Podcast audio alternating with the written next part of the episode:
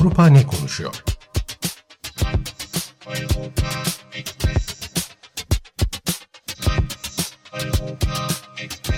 Avrupa medyasından yorumlar.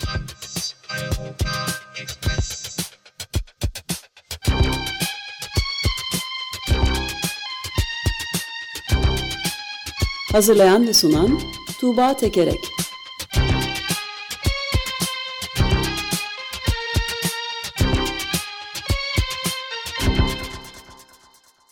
Günaydın Tuğba, merhabalar.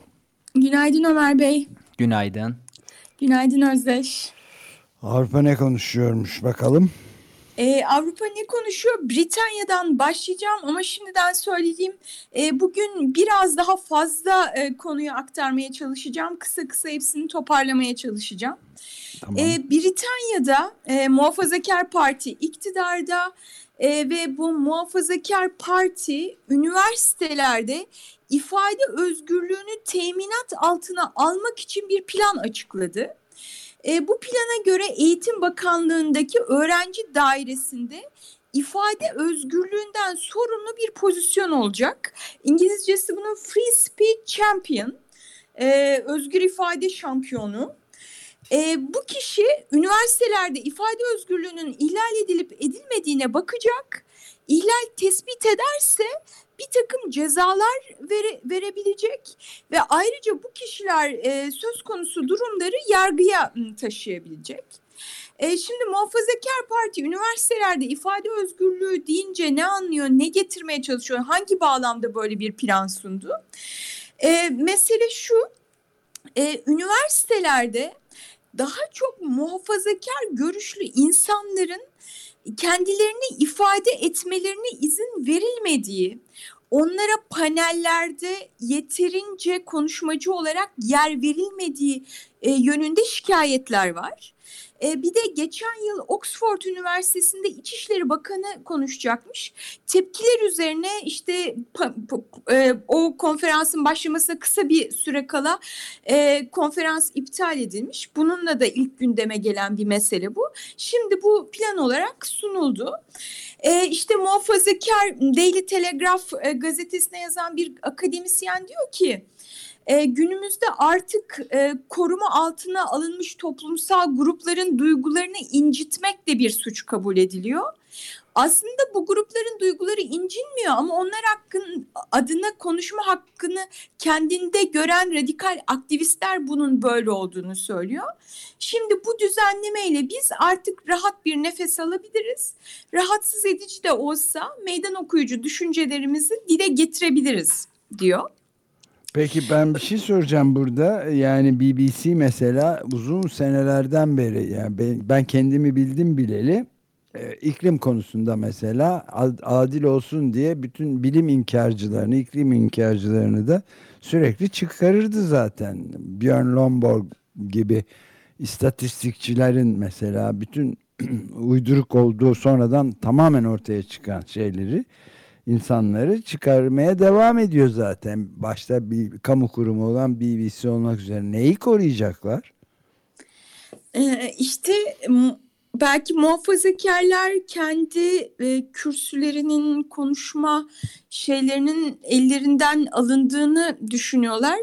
Sanırım bunu korumaya çalışıyorlar. Karşı taarruz yani çok Yani güzel. örneğin mesela işte kurma altına alınmış gruplar, e, işte dezavantajlı gruplar. Belki de mesela LGBTİ konusunda e, o gruplar için rahatsız edici ya da ba bazı etnik azınlık grupları için e, bir takım ifadeler e, nefret söylemi olarak nitelendiriliyor. E, bunlar istenmiyor bir, e, bir grup tarafından. Diğerleri bunların böyle de olsa belki söylenmesi gerektiğini düşünüyor. Hmm. İlginç. Evet, ee, öğrenci birlikleri diyor ki buna karşı ya bu işte üniversitelerde sansür diye bir takım şeyler iddia ediliyor muhafazakarlar tarafından. Buna dair ciddi bir delil yok ortada e, diyor. E, ve üstelik de hani pandeminin ortasında böyle bir şeyin getirilmiş olması enteresan. E, Guardian yazarı e, şöyle yazmış. E, bize üniversite öğrencisi e, kira destekleri kesilmiş öğrencilerin sorunlarıyla ilgili bir plan sunun. E, korona nedeniyle zaten yapılmayan panellerde kimlerin konuşacağını daha sonra kafa yoralım. Ama ne olursa olsun sırf daha iyi fikirler sunamadığınız için bir kültür savaşı başlatmayın e, diyor Guardian yazarı. Evet. Evet ifade özgürlüğü konusunda ilginç bir tartışma. Özgürlük dediğimiz nedir? Kimin özgürlüğüdür? Bu konuda iki tarafın böyle bir çarpışması var. Evet, yani ben de şeyle muhafazakarların özgürlüğünü sa- olması gerektiğini savunuyorum sadece. Peki. Rosa Luxemburg'un bir sözü aklıma geldi. Özgürlük her zaman farklı düşünenin özgürlüğüdür diyordu kendisi. Evet. Evet. Buradan e, şey Polonya'ya geçelim. Polonya'da başka bir ifade e, özgürlüğü meselesi. E, Polonya'da önceki çarşamba günü yani 9 Şubat'ta e, 40'tan fazla medya kanalı, me- medya kurumu e, yayın yapmadı. Örneğin TV'yi açtığınızda siyah bir ekranla karşılaşıyorsunuz ve diyor ki işte burada en sevdiğiniz TV programı olmalıydı. Yok çünkü ya da gazeteler ilk sayfalarında işte siyah ba- ba- basmışlar. Ee, burada haber olması gerekiyordu. Ancak bir gün hükümetin planları gerçekleşirse buralarda gerçekten hiç haber olmayacak, böyle olacak diye yazılar e, yazıyorlar. Hükümetin e, planı ne? Bu, bu medya kurumlarının protesto ettikleri şey ne? Hükümet medyanın reklam gelirlerinden vergi almayı planlıyor. Buna da kendisi vergi demiyor. Covid nedeniyle darbe görmüş olan, e, ciddi şekilde darbe almış olan e, kültür ve sağlık sektörleriyle dayanışma katkısı diyor.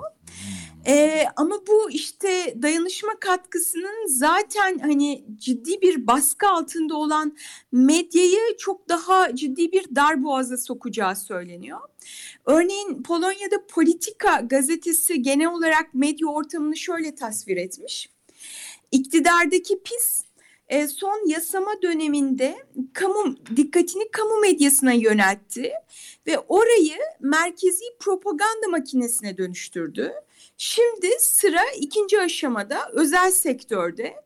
Önce buranın gelir kaynakları kesildi, yasal açıdan sık boğaz edildi, bilgiye erişim engellendi, para cezaları kesildi ve şimdi yeni vergiler getiriliyor.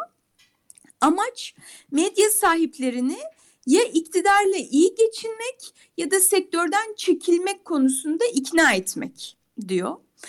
Ee, Polonya sınır tanımayan gazeteciler örgütünün listesine göre basın özgürlüğünde 62. sırada. Sınır tanımayan gazeteciler örgütü hükümetin Covid'i medyayı susturmak için bir araç olarak kullandığını söylüyor.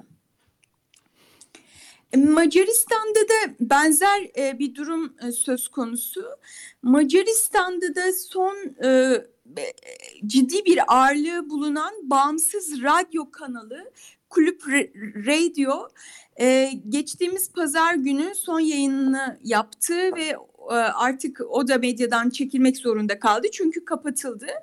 E, işte belli bildirimleri yap, yapmamış olması gibi hani son derece eften püften nedenlerle e, tamamı iktidar partisi üyelerinden oluşan medya kurulu tarafından kapatıldı. Macaristan'da basın özgürlüğünde 89. sırada.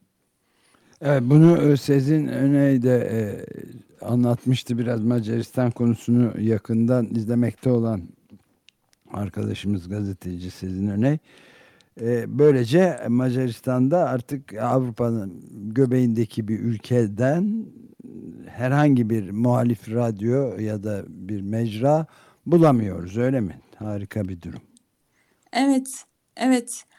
E, Macaristan e, bu basın özgürlüğünde e, listesinde 89. sırada. E, Türkiye kaçıncı sırada e, Ömer Bey biliyor musunuz? Birinci. evet. Bir sonuna bir de 5 ve 4 ekleyelim. 154. Evet. sırada. Yani Macaristan'dan çok daha aşağılarda bir yerde yer alıyor özgürlük olarak değil mi?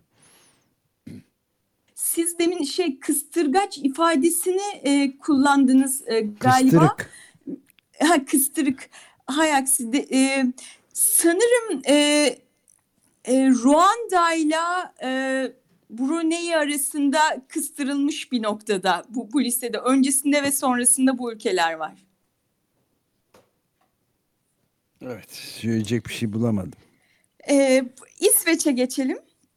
Ee, İsveç'te e, İsveç e, işte e, nükleer e, santralleri e, peyderpey e, kapatma kararı almıştı ve bunu uyguluyor. Geçen yıl sonunda bir nükleer re reaktörünü daha kapattı. Ama şimdi kış bastırınca elektrik talebi karşılanamadı. E, hem e, elektrikte bir da darboğaz ortaya çıktı hem de fiyatlar arttı. Bunun üzerine e, bunun üzerine İsveç Almanya'dan ve Polonya'dan elektrik ithal etmeye başladı ve bu elektrik kömür santrallerinde üretilen elektrik. Bu da işte İsveç'te uzun zamandır tartışılan işte karbon emisyonlarını azaltacağız. E, 2040'a kadar e, tamamen yenilenebilir enerjiye geçeceğiz. E, ama işte nükleer santralleri kapatalım mı kapatmayalım mı tartışmasını yeniden alevlendirdi. E, bir gazetede Svenska Dagbladet gazetesinde şöyle deniyor. Yeşil ve ekonomik elektrik üretimini durdurduk. Pahalı ve kirli elektrikli ikame etmek zorunda kalıyoruz şimdi diyor. İşte bu nükleer santrali kapatmak ve kömürden üretilmiş elektriği almak konusunda. E, Expressen gazetesinde şöyle deniyor. Uluslararası Enerji Ajansı kısa bir süre önce var olan nükleer santrallerin tasfiye edilmesi durumunda iklim hedeflerine ulaşmanın imkansız olduğunu söylemişti. İsveç'te büyük bir ihracat sanayi mevcut ve bu sanayinin öngörülebilir bir güç kaynağına ihtiyaç var. Ee, Almanya'dan işte linyit kömürü ithal ettik. Gelecekte Rus doğalgazı da alabiliriz. Enerji politikaları açısından çılgınlık, güvenlik açısındansa inanılmaz bir gafillik diyor. Ee, İsveç bu şekilde nükleer santralleri tartışmaya devam ediyor.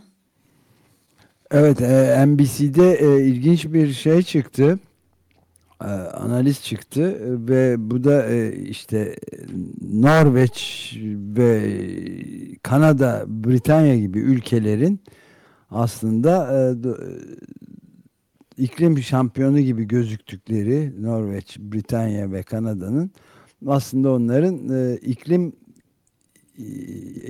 iki yüzlülüğü riyakarlık şampiyonu olduğunu söylüyorlar. Buna tabi İsveç'i de eklemeye doğru gidiyor dünya anladığım kadarıyla. Yani e, mesela Oslo'da Norveç'te işte sokak lambaları da yenilenebilir enerjiyle çalıştırılıyor. Hatta e, enerjiden tasarruf etmek için işte e, kimse yokken sokaklarda gece vakti filan kara şey, azaltılıyormuş ışıkları filan. Ama Greta Thunberg de hemen bu analiz üzerine bir şey yazmış İsveçli iklim aktivisti. Norveç eğer e, planladığı gibi ve açıkladığı gibi petrol ve gaz çıkartmaya e, devam ederse bilinen e, petrol ve gaz rezervleri 15 gigaton karbondioksit civarında bir şey salacakmış.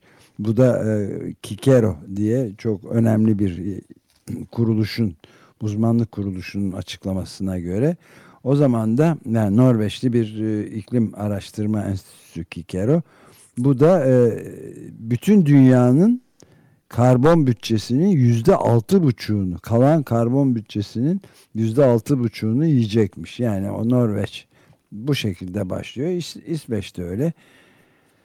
İşte böyle ne diyeyim? Ee, yani İsveç'le ilgili ee, İsveç şu anda elektriğin yüzde kırkını nükleerden sağlıyormuş. Yüzde kırkını hidroelektrikten ve yüzde onunu da rüzgardan. Ee, aslında hani doğal gaz, kömür konusunda e, tüm bunları son derece düşürmüş vaziyette. E, ama e, işte burada asıl mesele en son ikinci okuduğum yorumda vardı sanayinin işte bütün bu işte çelik e, üreten firmalar e, hani bu, bu şirketler zora girdiği zaman e, işte e, nükleer santralleri devreden çıkartma planlarını daha ciddi bir şekilde e, revize etmeyi düşünüyorlar. Yani evet e, şirket, ekonomi e, bu rotalarında çok belirleyici oluyor. Evet yani genellikle e, bu şey çıkar ve kar şeyi ciddi Evet. şekilde e, ağır basıyor. Ama işte mesela OECD'nin görevden ayrılmakta olan, görevi biten başkanı gider ayak şey An- Angel Hurria e, açıkça söylüyor ki bütün e, çevre şey Maliye Bakanları bu Covid'den sonra artık şey olmak zorunda zengin ülkelerin kulübünde 15 yıl e, görev yapan birisi diyor ki Maliye Bakanları her zaman yeşil olmamışlardır diyor. Ama e, bugün eğer yeşil değilsen muhtemelen sen ölmüşsün ve kimse bunu sana söylememiş diyor. Böyle bir çelişkinin içindeyiz yani. Günün sözü olabilir bu. Biliyorsunuz artık zombi kapitalizmden söz ediliyordu. Zombi Bu tam da kapitalizmi. buna denk geliyor. Evet, buradan e, yine bir, bir Maliye Bakanı'na ve bir şeye geçelim, ekonomi örgütüne geçelim. E, hemen kısaca bunu da söyleyip bitireceğim. E, Dünya Ticaret Örgütü'nün ne ilk kez e, bir e, başına ilk kez bir kadın ve ilk kez bir Afrikalı e, atandı genel sekreter olarak Nijeryalı Ngozi Okonjo-Iweala atandı. Bu 66 yaşında bir ekonomist e, Nijerya'da e, Maliye Bakanlığı da yapmış. Hmm, e, bu, bu işte hani kadın olması, Afrikalı olması hmm, çok tarihi bir önemde. E, ama öte yandan işte liberalizme e, inanan e, bir kişi ve ülkesindeki özelleştirmelerin çok acı sonuçları oldu deniyor. Ve şimdi önündeki ilk dosya e, işte bu yoksul ülkelerin Covid aşısına ulaşamaması ve aşı patenti konusu. Aşı patentleri konusunda bir takım işte e, gevşemeler isteniyor. E, bu konuda ne yapılacağına, ne yapacağına bakılacak deniyor. E, Dünya Ticaret Örgütü ile ilgili de böyle bir haberimiz var. Evet. Peki çok teşekkür ederiz. Ben teşekkür ederim. E, şeyi hatırlatayım. Eurotopics bültenlerinden derleyerek e, veriyorum e, bu haber. İsteyenler eurotopics.net'ten internet sitemize girebilirler. Eurotopics alt çizgi tr'den de Twitter tweetlerimizi takip edebilirler. Çok teşekkürler. Çok teşekkürler. Görüşmek. Görüşürüz. Hoşçakalın. iyi günler.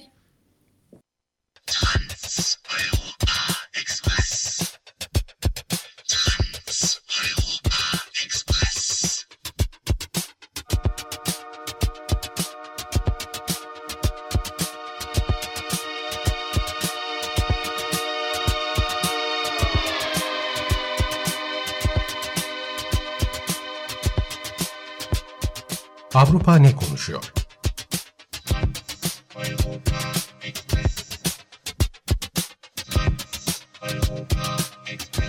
Avrupa medyasından yorumlar.